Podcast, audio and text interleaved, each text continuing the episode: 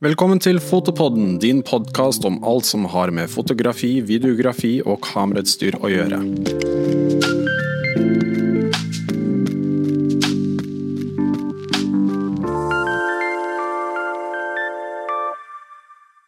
Godt nyttår og velkommen til 2020, alle sammen. Vi har lagt et utrolig spennende år bak oss, og alt peker på at dette året blir helt awesome.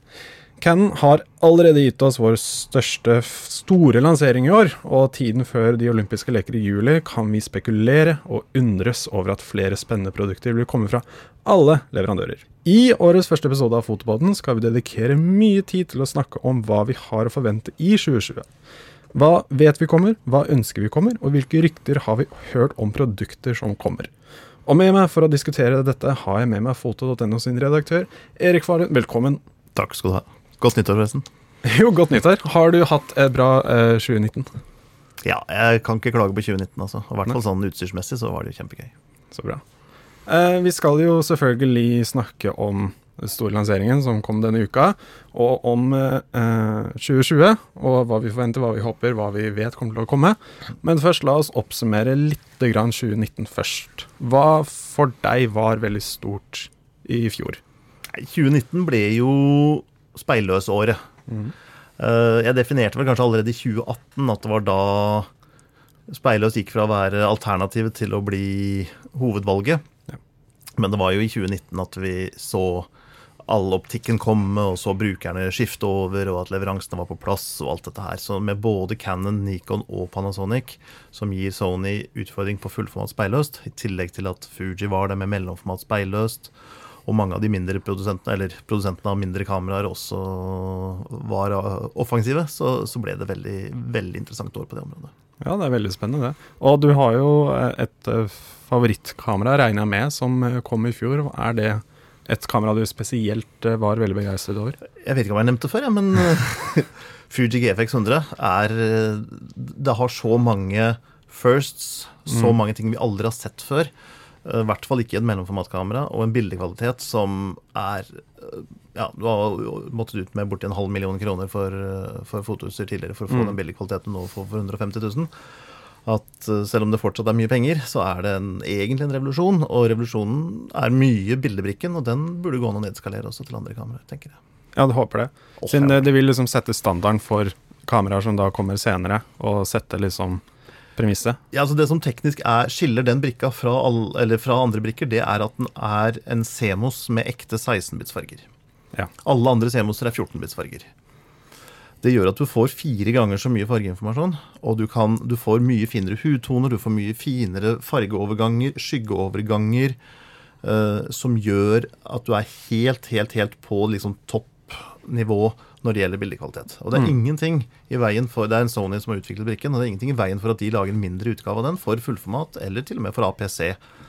Så i teorien så kan det komme en, si en A7 R4 eller A24 eller noe sånt nå, med den brikketeknologien i. Ja. Og det, det, gleder vi oss veldig til. Ja, det gjør vi selvfølgelig. uh, men uh, er det noen flere høydepunkter som du vil si er verdt å nevne for 2019? Eh, Panasonics inntreden. Uh, det ble jo lansert på Fotokina, men det kom ikke i salg før i 2019. Mm. De har jo lagd kanskje det proffeste fullformat speilløse systemet som er i dag. Sony har jo mye bra. Panasonic har jo lagd arbeidshester som er lagd altså, som en tanks. Og så har de jo fått hjelp av Leica og Sigma. Så det blir jo fort mye optikk til det. Uh, og nå har de tre modeller. En, de har gjort litt sånn som Sony. Det er en modell som er spesiallaget for video, en med høy oppløsning og en litt mer sånn generell mm. for alt mulig bruk. Og det, det, virker som de har truffet relativt bra. Altså. Ja, og nå har det også kommet objektiver til, gode objektiver til det systemet også, som, uh, som også er uh, veldig bra. Mm. Så det er absolutt et system som jeg også er i ja, i og med at de bruker samme system som Leica SL, så har det jo alltid vært gode objektiver til det systemet, men ja. de har jo vært relativt kostbare, de som har vært tidligere. Da. Ikke sant. Absolutt. Uh, og vi har jo uh, Jeg gikk rundt tidligere i dag og spurte noen av kollegaene våre om uh, hva de hadde som høydepunkter fra fjoråret, så vi kan ta og høre på det.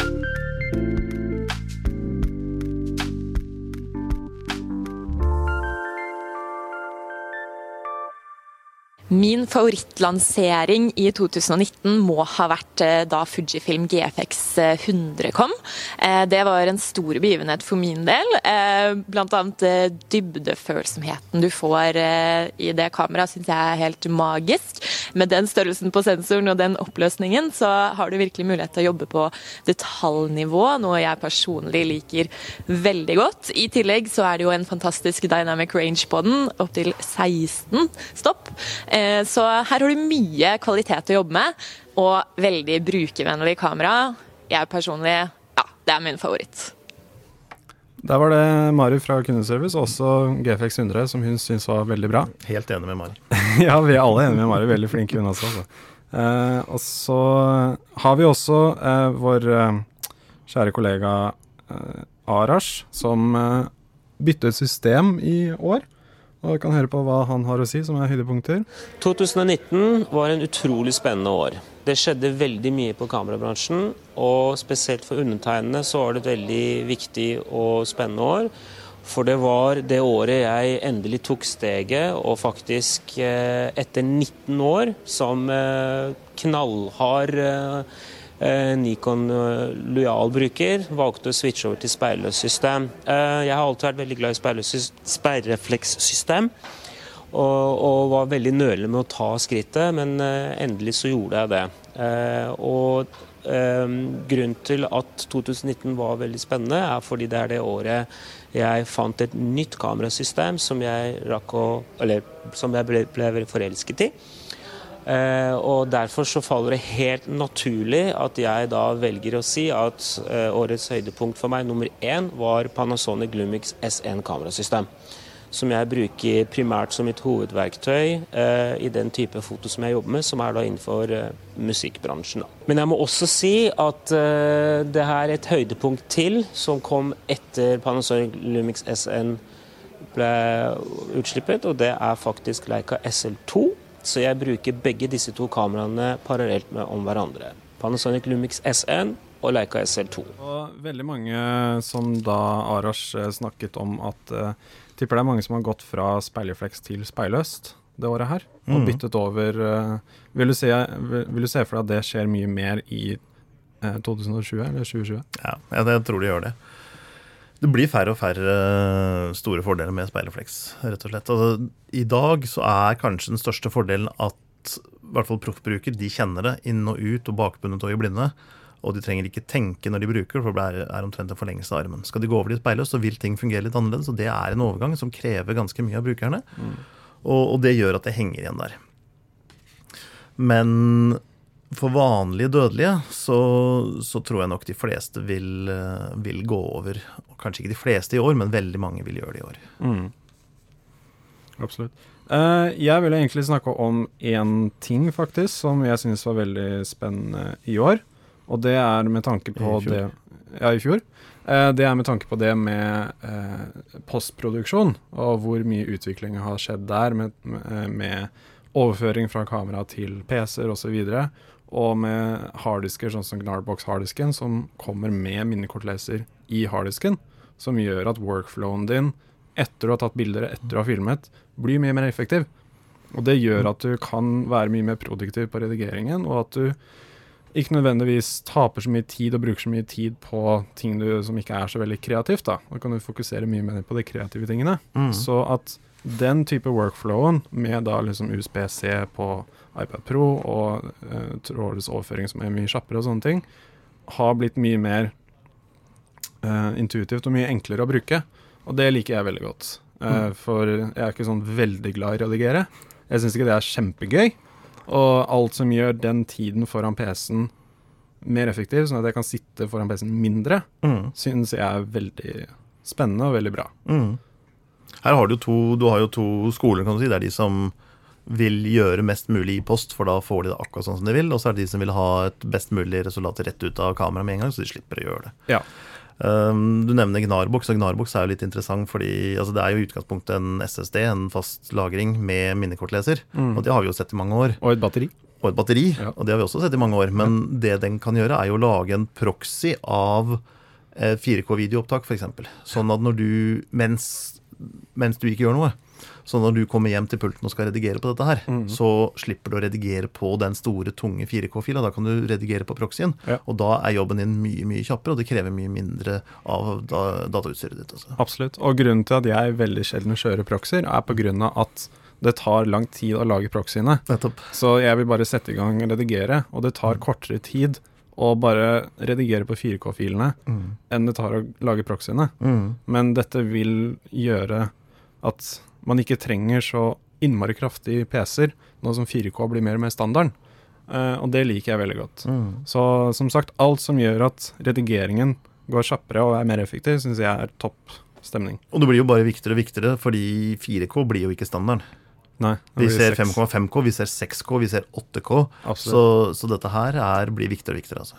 Så 2019 var et utrolig bra år. Eh, vi legger det bak oss, og så går vi videre på livet og ser fremover. Hurra! Ja.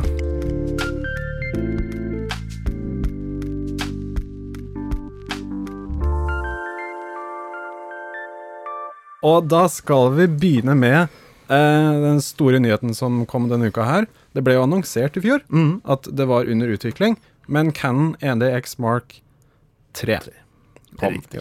Hva er dine inntrykk, hva tenker du om dette kameraet? Eh, har Canon truffet riktig på dette? For dette er jo ikke et speilløst kamera. Nei, Dette er et tradisjonelt speilreflekskamera. Ja. Dette har vi sett før. Men det vi ikke har sett på veldig veldig mange år, det er et kamera fra Cannon hvor vi litt plasserte journalister sier wow. For det har vi Altså, jeg husker nesten ikke når Cannon sist kom med sånt kamera Nei. hvor vi sa det. Kan du ramse opp veldig kjapt hva, hva er det dette kameraet tilbyr? Dette kameraet tilbyr altså Noe av det viktigste er jo en vanvittig autofokus. Um, den skal kunne fokusere på stort sett hva det skal være, under nesten hvilket som helst forhold. Den kan følge et hvilket som helst motiv. Den har ganske avansert motivgjenkjenning. Selv om du bruker med speilet nede osv., så, videre, så har autofokussensoren ganske høy oppløsning i seg selv, så den kan gjenkjenne motiver. Den kan gjenkjenne mennesker, den kan gjenkjenne idrettssituasjoner. Og da har den øh, liggende informasjon om litt hvordan dette fungerer, og hva den kan forvente av bevegelser osv. Dermed så har den helt ny mulighet for å kunne låse seg til et motiv. Så har jo hastigheten gått opp, selvfølgelig. Det gjør den jo alltid. Nå klarer den 16 bilder med speil som skal slå opp og ned. Og det, I sekundene. I sekundene. Og det er ikke noe buffer, forstår jeg? Altså Det er jo en buffer, men den er jo så svær at Ja. du kan ta bilder i full fart. 20 bilder i sekundet. uh, hvis du ikke har speil som kan gå opp og ned. Ja. Uh, I både rå og JPEG samtidig. I borti et minutt. Ja. Det, Det er ganske insane. ja, Noe mer enn det trenger man ikke. Så i praksis så er det ingen begrensning på bufferen. Og derfor så, så trenger du ikke tenke på det engang. Og det er ikke sånn at å nei, nå må jeg skifte til JPEG for jeg skal ha en lang bildeserie. Drit i det, bare kjør på. Kjør på. Ja. Skyt, skyt, og bare skyt mer til minnekortet er fullt. Mm. Uh, utvendig så er jo kameraet veldig likt uh, gamle modell, eller forrige modell og den før det. Ja. Så du kjenner det jo igjen med en gang. Det Men det er et bevisst valg, tipper jeg. Det er et veldig bevisst valg, for Ja. igjen, dette her er verktøy som vi nevnte, og det er jo lansert for å kunne bru brukes under OL i Tokyo. Mm. Og da skal ikke folk stå og fikle med knapper, altså. Nei. Så, så det her er tradisjonelt utapå, og så er det veldig nytt inni. Mm. Bildebrikke er ny, det er samme oppløsninga, men det er jo bedre dynamikk og mindre støy. Og det er også noe Canon har fått kritikk for tidligere. Så der ser det ut som de har gjort noe. Vi har ikke fått testa kameraet ennå, så vi vet jo ikke, men de sier ca. et trinn bedre på begge deler. Ja. Og et trinn, det høres jo ikke så mye ut, men det betyr at du kan klare deg med halvparten av lyset. Ikke sant? Ja. Det er ganske Ja. ja. Eller få halve, halvparten av lukkertida likevel Mm. uten at du får noe mer støy. Så det er faktisk ganske mye, altså. ja. For oss vanlige dødelige så kan det jo bety at du kan klare deg med et blende fire-objektiv istedenfor 2.8-objektiv f.eks. Så kan du jo tenke på hva det innebærer av kostnad og vekt som er spart. Ikke sant. Så, så det er en del ting der. Men det helt store der er jo kanskje på video. For dette Ja. her er jo Det har jo spesifikasjoner som det råeste videokameraet du kan få omtrent, altså. Uh, vi snakker rå. eh, 5,5K, 12-bit, rett til minnekortet. 60 bilder i sekundet. Det, er, det, er, det er helt sjukt, for vi har jo sett 4K rå til eksterne opptakere og sånn, men Mm. 5,5K 60P til minnekort. Rett inn. Rett inn. Hva slags minnekort bruker den? Den bruker CF Ekspress. Ja. og det må den jo for å kunne ta unna det. det er jo På det verste så er det 2600 megabit per sekund. Og det er to av dem. Det er to av dem, ja. Ja. Um, og 2600 megabit, det betyr jo at du bruker en gigabyte på tre sekunder. Ja. Så det er jo visse datamengder, men du trenger jo ikke kjøre på det hele tida. Du kan jo kjøre på enklere, og kjører du logg, så kjører du en 10-bit 422. Mm. Uh, og det er svært anstendig, altså. Absolutt. 100% Så, så det og du har enormt mange valgmuligheter på bitrate og på oppløsning og alt dette her. Og du kan ha all intra, eller du kan ha long up. Det kan du velge sjøl, egentlig. Helt fritt. Så jeg, jeg ser for meg at dette kameraet er bygget på at liksom, altså Det kommer jo nye kameraer ut hele tiden, og oppdateringer og oppdateringer, men dette kameraet er designet for fremtiden. At dette kameraet skal du ikke trenge å bytte ut på en veldig, veldig god stund. Nei, men man skal være veldig forsiktig med å si sånn. Ja, okay. Fordi utviklinga går jo generelt såpass fort. Ja, ja. Altså, Jeg leste en veldig fin artikkel om en 386 PC i 1990, Ja. og konklusjonen var at nå trenger man ikke noe mer. Nei, ferdig. Nei, den hadde 40 MHz og 8 MB ram, og det var så vanvittig at nå trengte man ikke noe mer. Men er det bygget sånn at uh, Siden det er jo mange kameraer som f.eks. GNI fra Panasonic kommer med firmware-oppdatering, som Mm. gjorde at det basically nesten ble egentlig et nytt kamera. Det ble en G9 Mark 2, på en måte. Mm. Uh, dette er jo muligheten også nå med firmware-oppdateringer som kommer stadig, stadig hele tiden. Det er det. Cannon Canon er ikke de som har vært flinkest til å gjøre sånn. De har hatt veldig veldig få funksjonsoppdateringer. Ja. Men de har blitt litt flinke de senere åra, så det kan være det kommer ting der også. ja. Um, men Høre på feedbacken, se hva folk trenger, se hva folk mangler. En liten eh, Et eller annet eh, her og der som de ønsker på kamera, og så kan en batch komme. mm. Og disse kameraene varer jo i fire år. Det kommer Mm. jo ny til hvert sommer-OL.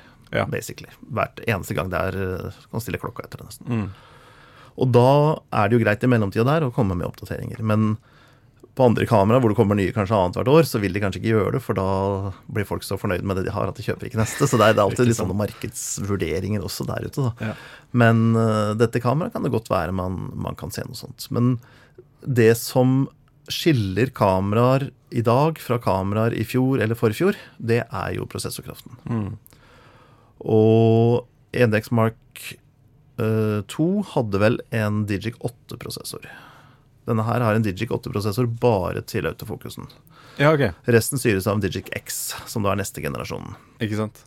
Så den har jo ganske vesentlig mye mer prosessorkraft å bruke. Mm. Og, og det gjør også sitt til at autofokusen kan bli bedre, at støyfjerning kan bli bedre, bildehåndtering kan bli bedre, respons kan bli bedre. Alt blir bedre. Blir bare bedre og bedre. Blir bare bedre. bedre. Det blir så bra. Det blir så bra. Og du, jeg tipper jo da at det vil være hovedkamera som blir brukt under OL. Så det er jo sånn at uh, man får utstyr der av alle fotografene fra de forskjellige selskapene. Ja, altså- hvordan er det det faktisk funker? Så jeg husker jo alle de bildene fra uh, siste OL, Mm. hvor du liksom så hele lageret med bare masse Canon-utstyr. Altså, eh, De store produsentene de stiller jo med mye utstyr som kan lånes og leies osv. der nede. Men, eh, men ellers så er det jo gjerne pressebyråene som de er sendt ut fra, som stiller med det. Om det er NRK eller BBC eller Reuters eller hva det er, som, som stiller med utstyret da for de fleste. Um, om det blir det store kameraet, det vet vi jo ikke for Canon. Nei, Nikon har jo også sagt at de kommer med en ny modell. Ja, la oss gå litt inn på det. Der er jo fortsatt bare mye rykter. Det er jo annonsering at det blir utviklet, Mm. men det har jo ikke kommet ut uh, noen lansering ennå. Eh, hva vet vi om, eh, om uh, Nikon sitt kamera? Lite, egentlig. Ja. Det kommer til å bli raskere og bedre. ja.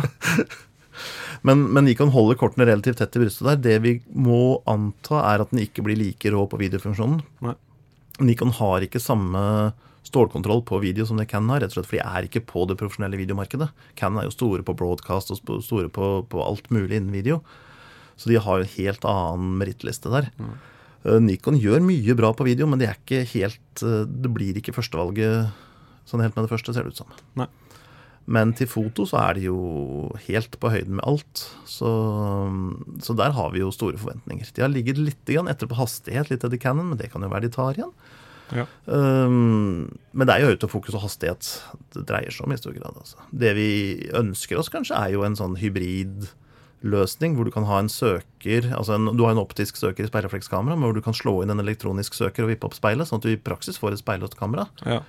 Eh, For det kan jo også gjøre en del med, med fokusen, for da har den en helt annen um, motivgjenkjenning.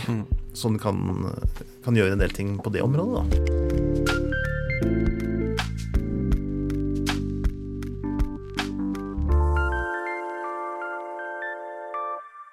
Jeg har også skrevet ned noen på en måte rykter eh, som ligger der ute, så vi, vi vet jo like mye som alle andre.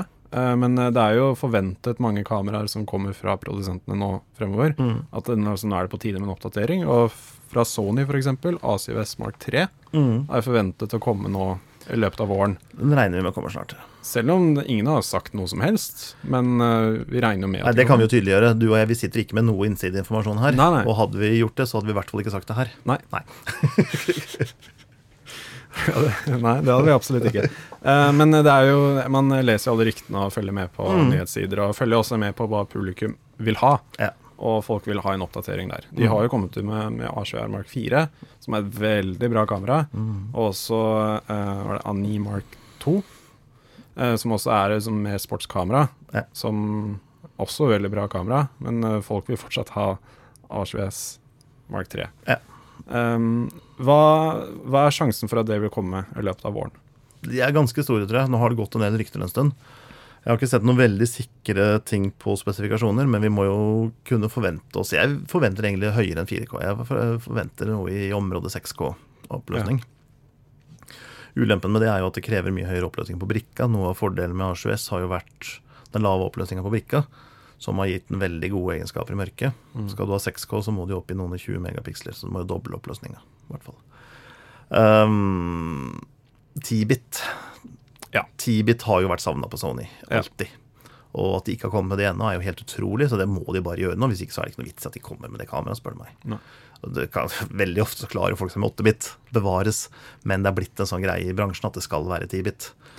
Og- Ja, altså, altså Grunnen til at jeg tror at det kommer til å liksom være mer og mer standard, er grunn av at du kan bruke disse kameraene til ordentlige produksjoner. Til Mm. TV-produksjoner og ting som skal liksom sendes av gårde til broadcasting. Og da er jo ofte kravet at det må være 10-bit mm, noen ganger. Og HDR må være tilgjengelig og sånne ting. Så uh, derfor så er det nødvendig noen ganger mm. å kunne filme i noe sånt nå. Ja. Og da med en gang du ikke kan det, så blir jo kameraet veldig ubrukelig Mm. i de situasjonene uh, plutselig, og da må du skaffe deg et eh, større videokamera. Mm. Og Sony har jo også større videokameraer, og da er det veldig greit å kunne bruke en A7 som et nummer to-kamera. For da har du jo veldig mye samme etterbehandlingen, og kjører du logg på begge to, så er det samme loggen. Det er samme som skal til for å få den samme looken etterpå. Mm. Og, og da er det jo helt uh, meningsløst at det ikke skal komme noe som, som faktisk kan brukes som nummer to-kamera. Ikke sant. Og Det var jo det Panasonic reklamerte mye for med SNH, at det kan brukes sammen med deres Panasonic uh, Vericams også, Ja. som et BE-foto. Mm. Og at eh, loggen og alt det er det samme. Mm. Så det skal gå helt fint å bruke de sammen. Og det er også noe folk trenger, da, og noe de tenker veldig mye på. Og Det kan jo være det Canon har innsett nå ved å putte veldig gode videospesifikasjoner inn i det vanlige kameraet, at de ødelegger kanskje ikke for sin egen videobransje. Det kan være de hjelper den, fordi da vil man lettere kunne bruke Canon-kameraer som nummer to-kamera. Og Mm. kjenner du Ca- Canon fra før, så kan det være du da bruker Canon på de større kameraene også, osv. Og, så og da får du litt mer hel sånn Ja, Absolutt. hel pakke. Eh, og så har vi jo eh, Nikon Fra Nikon så har vi jo sett 6 og sett 7. Ja, vi har sett begge deler, faktisk. Ja, vi har det. Eh, folk ønsker jo eh, sett 8 og 9. Mm. Eh, og det ryktes om at det kanskje kommer ut. Er det sannsynlig, tror du? Eller ikke? Absolutt sannsynlig. Når det kommer, det vet vi ikke. Nei.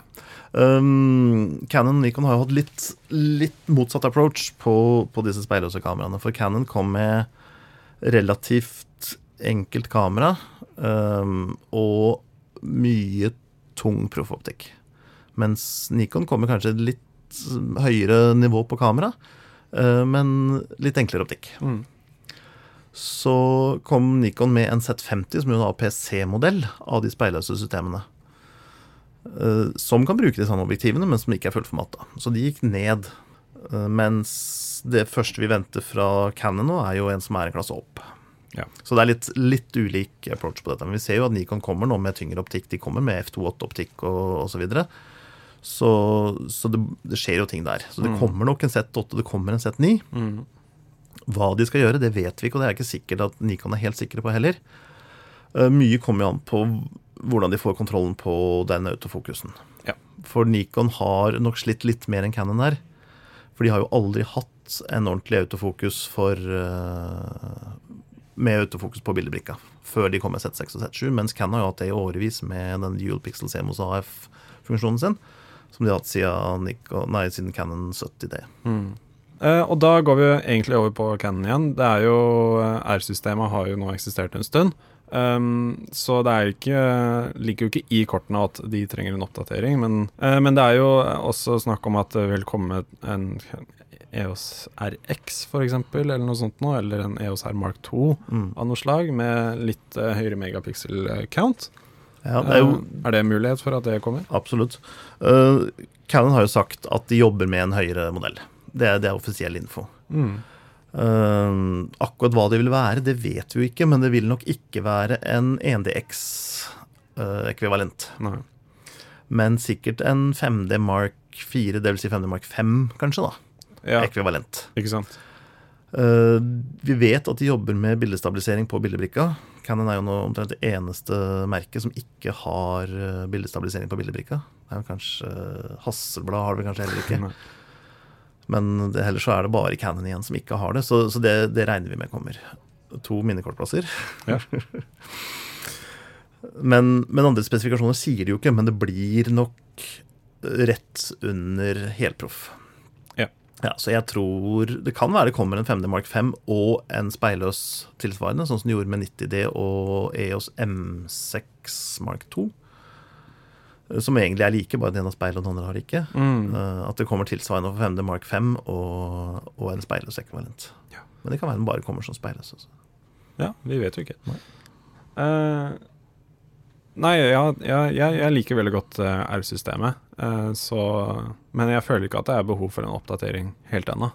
Det er fortsatt et veldig bra system. Uh, de har jo fått veldig mange bra objektiver også, som går rett på uten adapter. Mm. Uh, så jeg syns at uh, det systemet der har en mye lengre levetid enn ett og et halvt år eller noe sånt. Noe som det har vært. Ja, men, men altså, de modellene som er kommet nå, vil jo ikke bli erstattet. Det Nei. vil jo bli flere modeller. Flere, ja. Hvis du ser på Speileflex, så har de jo et utall modeller. Ja, ikke sant. og det vil de nok ha på Speilrefleks også etter hvert. Ja. Så de vil ikke erstatte de som finnes, men det vil komme som et supplement til dem. Og, og har du objektiver som koster 20 000 kroner oppover, mm. så vil du ofte ha et eh, kamera som matcher. Og det er det nok mange som føler at det ikke er i dag, rett og slett. Ja. Eh, og så går vi over da på Panasonic. De har nettopp sluppet eh, SN-serien sin med objektiver til det systemet, og Elmantia-alliansen så vil det komme enda flere objektiver. Og det er jo noe vi vet veldig ofte, at siden eh, mange legger ut lineupen sin for objektiver som kommer ut. Mm. Og Sigma har jo også annonsert at de vil komme ut med mange uh, L-mount-objektiver, uh, sammen med de andre også.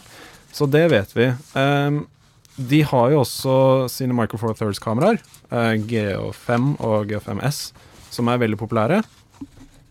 Tror du at de kommer til å fortsette med Micro Four Thirds-kameraer, gå all in på full frame? De sier at de skal fortsette med det. Ja, fordi de har kommet ut med De lanserte jo et objektiv mm. til eh, GA5 som var veldig veldig bra. Det er 10-25-1.7. Mm. Og det er jo et utrolig fint objektiv. Så det betyr jo at de fortsatt har fokus på Micro Four Thirds-kameraer. De har det. Bransjen endrer seg veldig fort her. Eh, bransjen faller fortsatt. Ja. Uh, få tjener faktisk penger på, på fotobiten akkurat nå.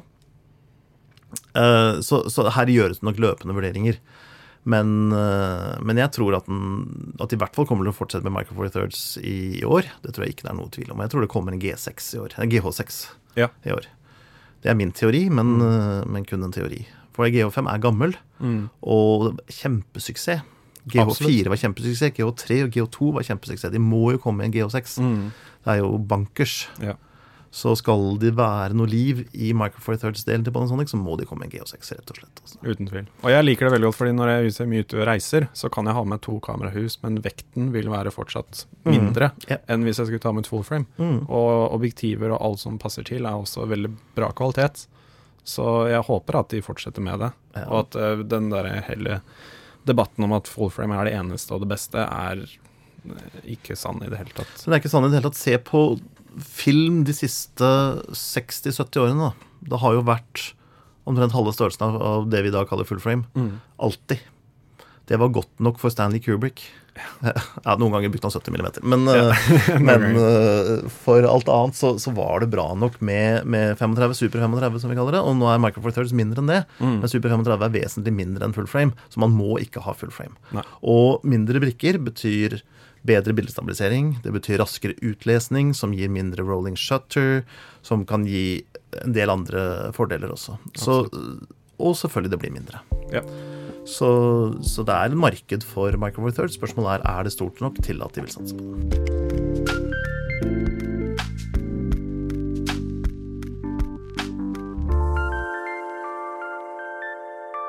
På Panasonic så har det de sagt at de i år kommer med til SL Nei, til, til eh, L-mount, altså S1-systemet, så kommer de med en 100 mm makro. Oi. Makro er noe vi har savna på alle disse speilløse, egentlig. Ja, ja. Eh, de har det jo til de små, og Fuji og sånn har det, men verken Cannon eller Nikon eller Panasonic har et ordentlig makroobjektiv. Så det ønsker vi fra flere.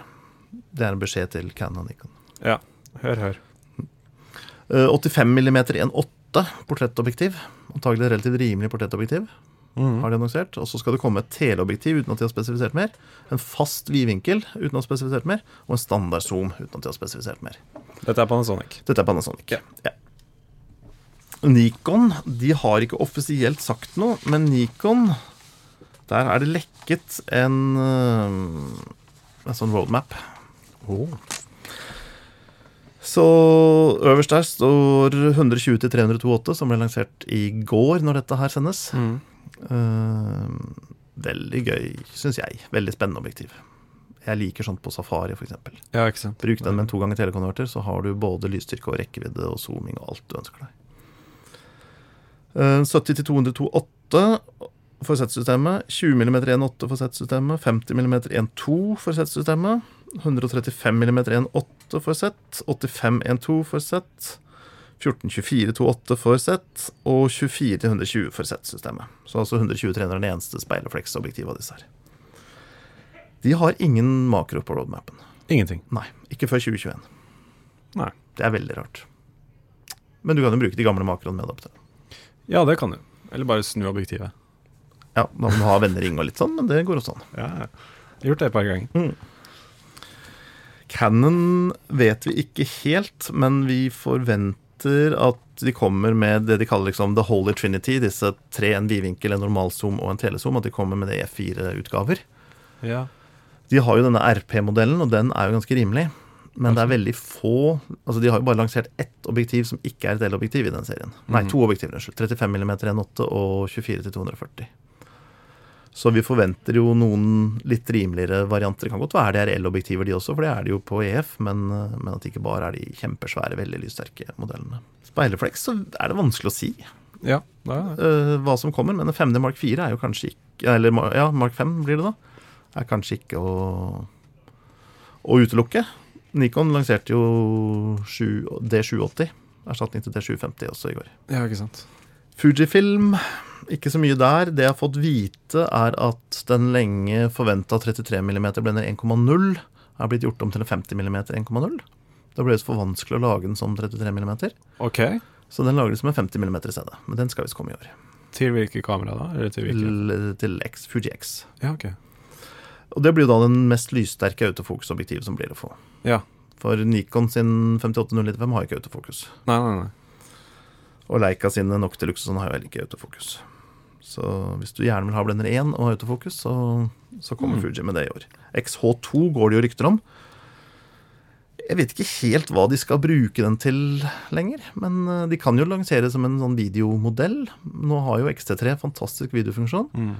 Eh, så har du bedre grep i XH-serien, og så har du bildestabilisering. Men de jobber jo med å få bildestabiliseringa mindre, så du kan få plass til en 1XT-modell.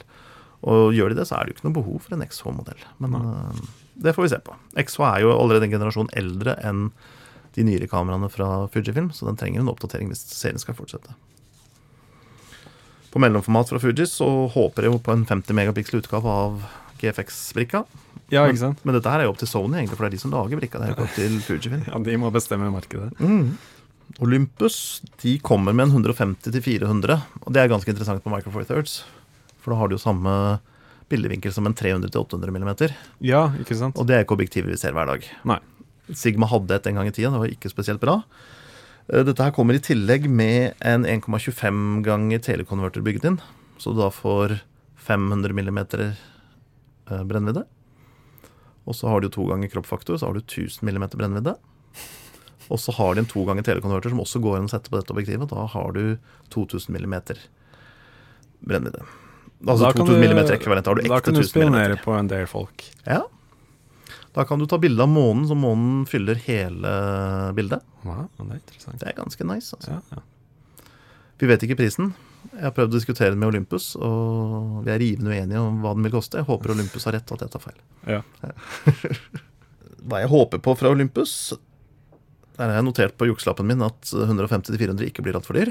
ja, det er krysser fingrene for det. Ja, um, og at de kommer med en ny brikke. For altså, de bildebrikkene de har brukt nå i kameraene i mange år, de begynner å bli ganske gamle. Og det var veldig, veldig bra da de kom. Og Olympus skrøt veldig mye av at ja, men brikka vår er så god, så det kompenserer en del for at den er mindre. Men nå er de nok kanskje blitt forbigått av en del. Og da de kom med den gamle brikka både i EM1X, som kom i fjor, veldig spennende kamera, og EM5 Mark 3, som kom i fjor høst, så begynner man å lure på når skal de slutte med dette her? Ja. når skal de finne på noe, noe bedre? Så der håper vi det skjer noe i år, da. Ja. Og at det kommer en EM1 Mark 3, blir det da. Mm. F.eks. med en ny, ny birikke. Trenger ikke flere piksler, men, men litt oppdatert teknologi på den. Det ønsker vi oss. Ok, Erik. Um, det er uh, veldig hyggelig å være i gang igjen. Mm -hmm. uh, tusen takk for at du tok deg tid til å komme hit og bekrefte eller avbekrefte rykter og snakke om ting som har skjedd og ting som kommer til å skje. Så nå får jeg ikke si mer. Ja, du kan gjerne snakke mer. si. Det er hjertelig velkommen tilbake alltid. Um, hva tenker dere var det største som skjedde i fjor? Hva håper dere kommer til å skje i år? Skriv gjerne kommentarfeltet deres tanker, så svarer vi det der. Og så ses vi neste uke i en ny episode. Ha det bra.